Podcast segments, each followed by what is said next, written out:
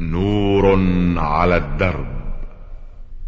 برنامج يومي يجيب فيه أصحاب الفضيلة العلماء على أسئلة المستمعين الدينية والاجتماعية. البرنامج من تقديم وتنفيذ سليمان محمد الشبانة. بسم الله الرحمن الرحيم. أيها السادة المستمعون السلام عليكم ورحمة الله وبركاته ومرحبا بكم في هذا اللقاء.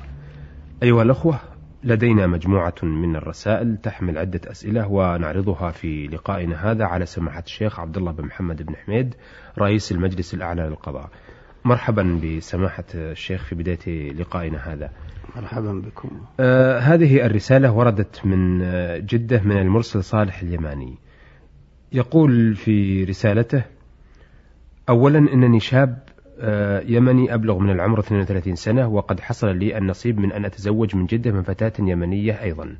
ثانيا أنني مقيم في الرياض ومقر عملي في الرياض وقد طلبت من زوجتي السفر إلى الرياض ولكن رفضت ورفضت رفض قاطع. ولا أعرف ما هو السبب في ذلك وأنا أعتقد أن أهلها هم السبب في هذه المشكلة. ولا أعرف هل يحق لي أن آخذ زوجتي بالقوة أم لا. ثالثا أنا واثق أن زوجتي تحبني جدا وتريد أن تسافر معي. أريد منكم الحل. هل آه، أذهب بها بالقوة أم لا؟ بسم الله الرحمن الرحيم. يا أخ صالح اليماني من جدة. تقول إن لك زوجة يمانية. تزوجتها بجدة ومقر عملك بالرياض. وطلبت منها أن تسافر معك ولكنها امتنعت وأنها تحبك كثيرا وأنت أيضا كذلك. وظهر لك أن الذي منعها من السفر هم أهلها.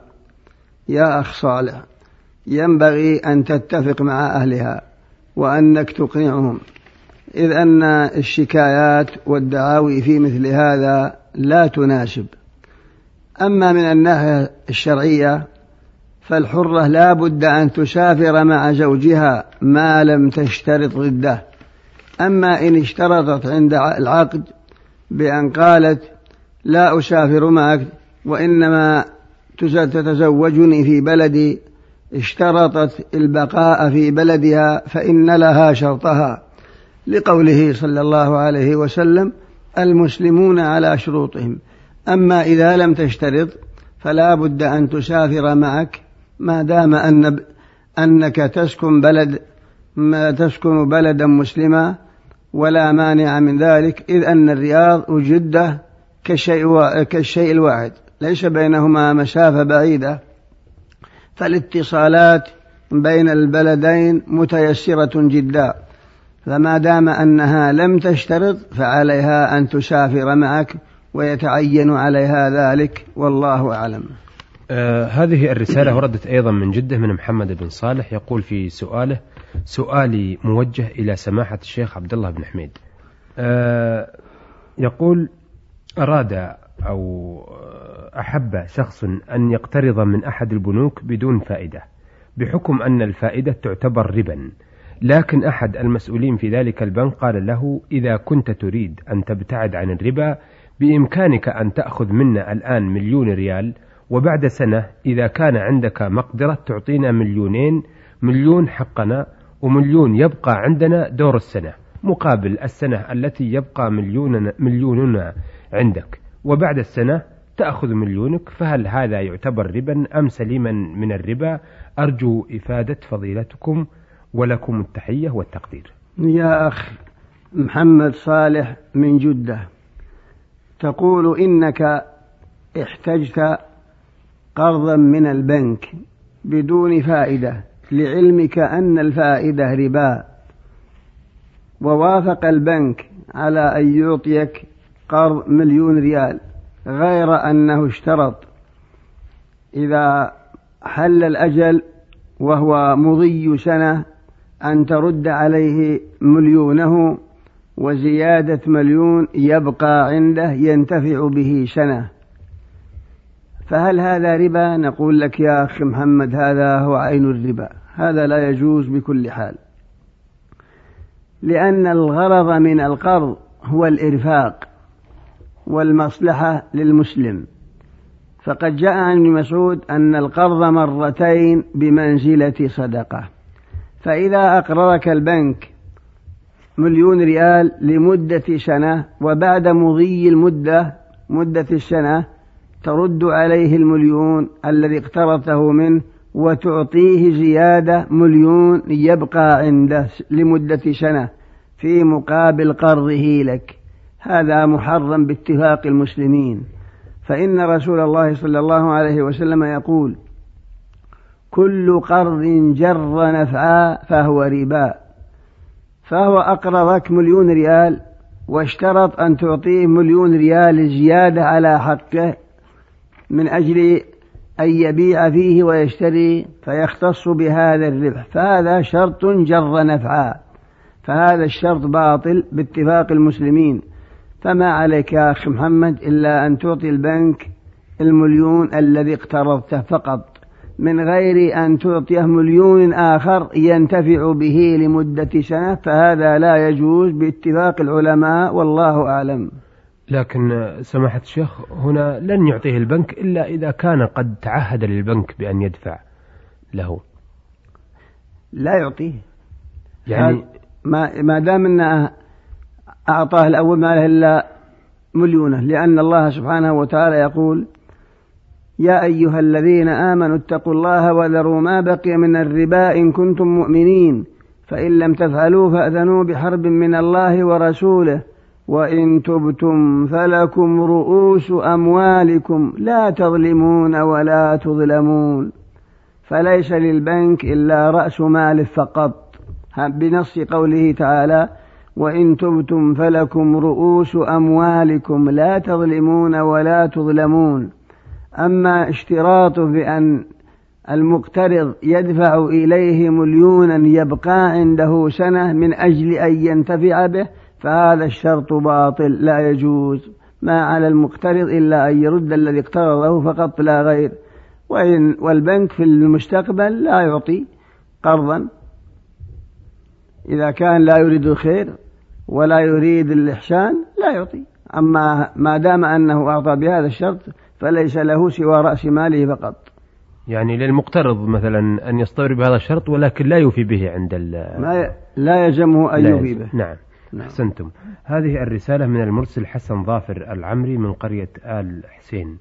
يقول في رسالته جلست يوما مع بعض الأصحاب نفكر فيما حرم الله وفيما حلل على المسلمين جميع. فقال لي هذا الشخص إن الخمر يجوز شربه في الصحراء المنقطعة. فقلت له هنا ليس صحيح. وعرضت عليه بعض الأدلة من القرآن والسنة و آه، يقول فهل هذا صحيح أم لا؟ نرجو الإجابة كاملة لأن هناك بعض الناس إذا سمعوا هذا الخبر وهم في الصحراء شربوا الخمر يقولون أو يقولون لهم إنه يجوز في الصحراء لعدم وجود الماء والغذاء. وفقكم الله. يا أخ حسن ظافر العمري من قرية آل حسين. تقول جرى بينك وبين صاحب لك بحث في الحلال والحرام. وأن صاحبك يقول إذا كان الإنسان في الصحراء جاز له شرب الخمر لعدم وجود الماء والغذاء. نقول لك يا أخ حسن هذا خطأ. وهذا باطل. فالله سبحانه وتعالى حرم الخمر ولم يستثني منه إلا لأجل زيادة في الدم. ولا لأجل عطش بل هو بنفسه يبعث على العطش فهو لا يقطع العطش. قال الله تعالى يا أيها الذين آمنوا إنما الخمر والميسر والأنصاب والأزلام رجس من عمل الشيطان فاجتنبوه لعلكم تفلحون. لاحظ قوله فاجتنبوه. نعم. فهو أبلغ من قوله اتركوه. إنما يريد الشيطان أن يوقع بينكم العداوة والبغضاء في الخمر والميسر ويصدكم عن ذكر الله وعن الصلاة. فهل أنتم منتهون؟ قال عمر انتهينا انتهينا.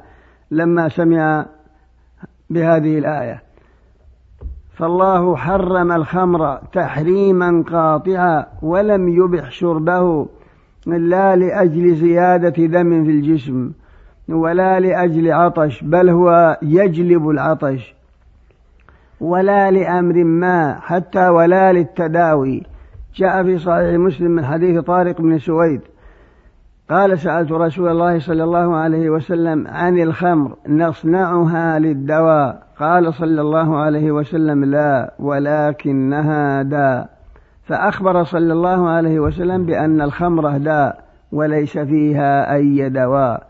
وهذا أمر معلوم حتى عند أعداء المسلمين فإنهم قرروا أن الخمر مضر.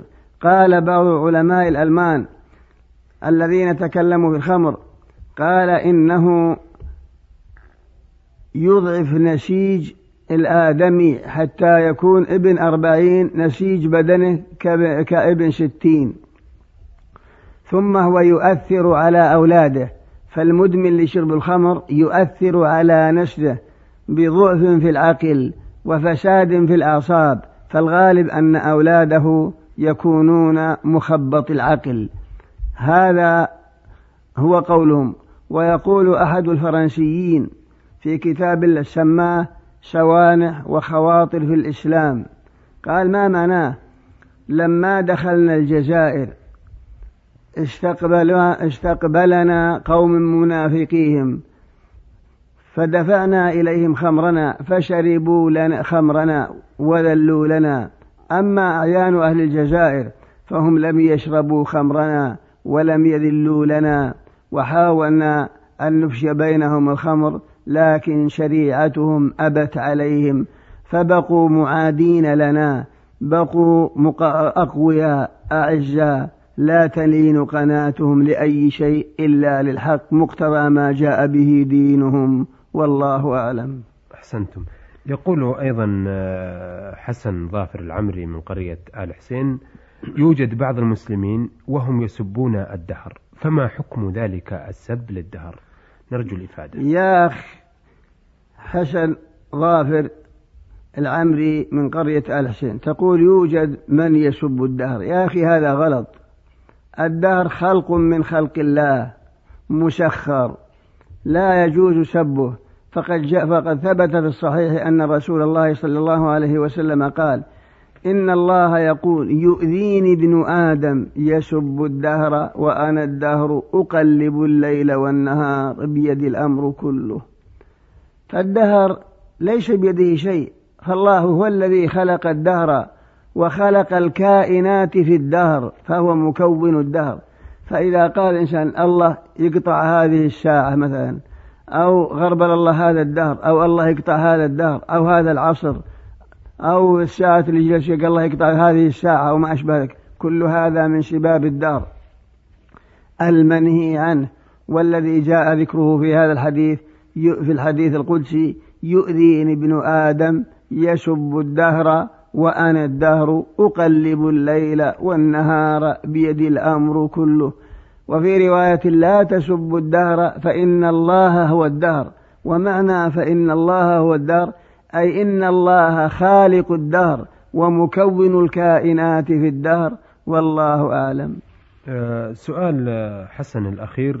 يقول نحن بعض الطلبة والطلبة آه، ككل في المدارس يكون عليهم تلاوة القرآن الكريم وفي يوم التلاوة يكون بعضهم ليس طاهر ونجس فيمس القرآن ولم يفكر في قول الله تعالى لا يمسه إلا المطهرون فهو يقرأ وليس بطاهر خشية من المدرس.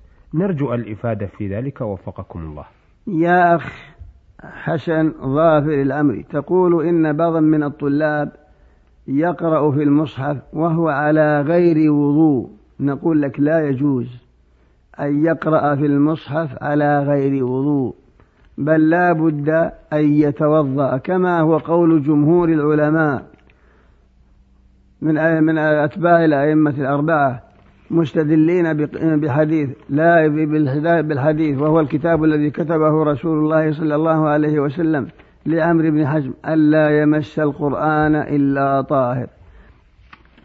فإذا احتاج أن يقرأ فيه وهو على غير وضوء لا بأس لو أدخل كمه في يده ومسك المصحف من وراء ثوبه أو من وراء غترته فهذا لا معنى ما دام أنه لم يمسه بيده. قال العلماء من الحنابلة وغيرهم لو قرأ في المصحف ولكنه لم يمس إلا من وراء حائل ككيس مثلا أو ثوبة أو طرف ثوبة أو غترة أو ما أشبه ذلك فهذا لا بأس به. وإذا أراد أن يحرك الورقة يفتشها طلبا لقراءة ما وراءها مثلا فهو بأصبعه من وراء حائل. هذا هو قول الحنابلة وغيرهم والله أعلم. أحسنتم. الرسالة الأخيرة في لقائنا هذا وردت من ماطر مطر العصيمي من جدة. يقول أرجو معالجة هذه المشكلة المتفشية عندنا في القبائل وهي عادة الشغار. حيث أن الشخص لا يزوج موليته إلا على شخص آخر يزوجه ويشترطون مهرا ولكنه لا يسلم منه شيء. حتى أن الشخص الذي عنده بنات كثيرات يستطيع أن يتزوج أكثر من واحدة ببناته. آه راجينا الإفادة ولكم جزيل الشكر. يا أخ مطر ماطر العصيمي من جدة. تقول ما حكم من زوج ابنته على أن يتزوج أخت الآخر أو ابنته وهو الشغار؟ وإن شبه مهر فهو لا يدفع ما هو إلا حيلة. نقول لك هذا نكاح باطل. إذا صح ما قلت يا أخ مطر ماطر هذا لا يجوز بكل حال. فقد نهى رسول الله صلى الله عليه وسلم عن نكاح الشغار.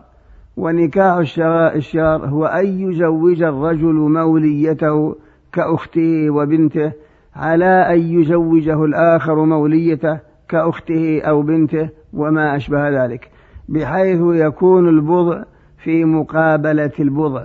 بضع أختك مثلا في مقابلة بضع بنت الآخر أو أخته. هذا حرام ولا يجوز والنكاح باطل والحالة هذا أما لو, لو خطب ابنتك مثلا ووافقت ودفع إليها مهر المثل كامل كما هو المعتاد لبنات مثلها وأنت خطبت بنته أو أخته ودفعت المهر كامل وكل من البنتين راضية فهذا لا بأس به ولا يدخل في الشغار.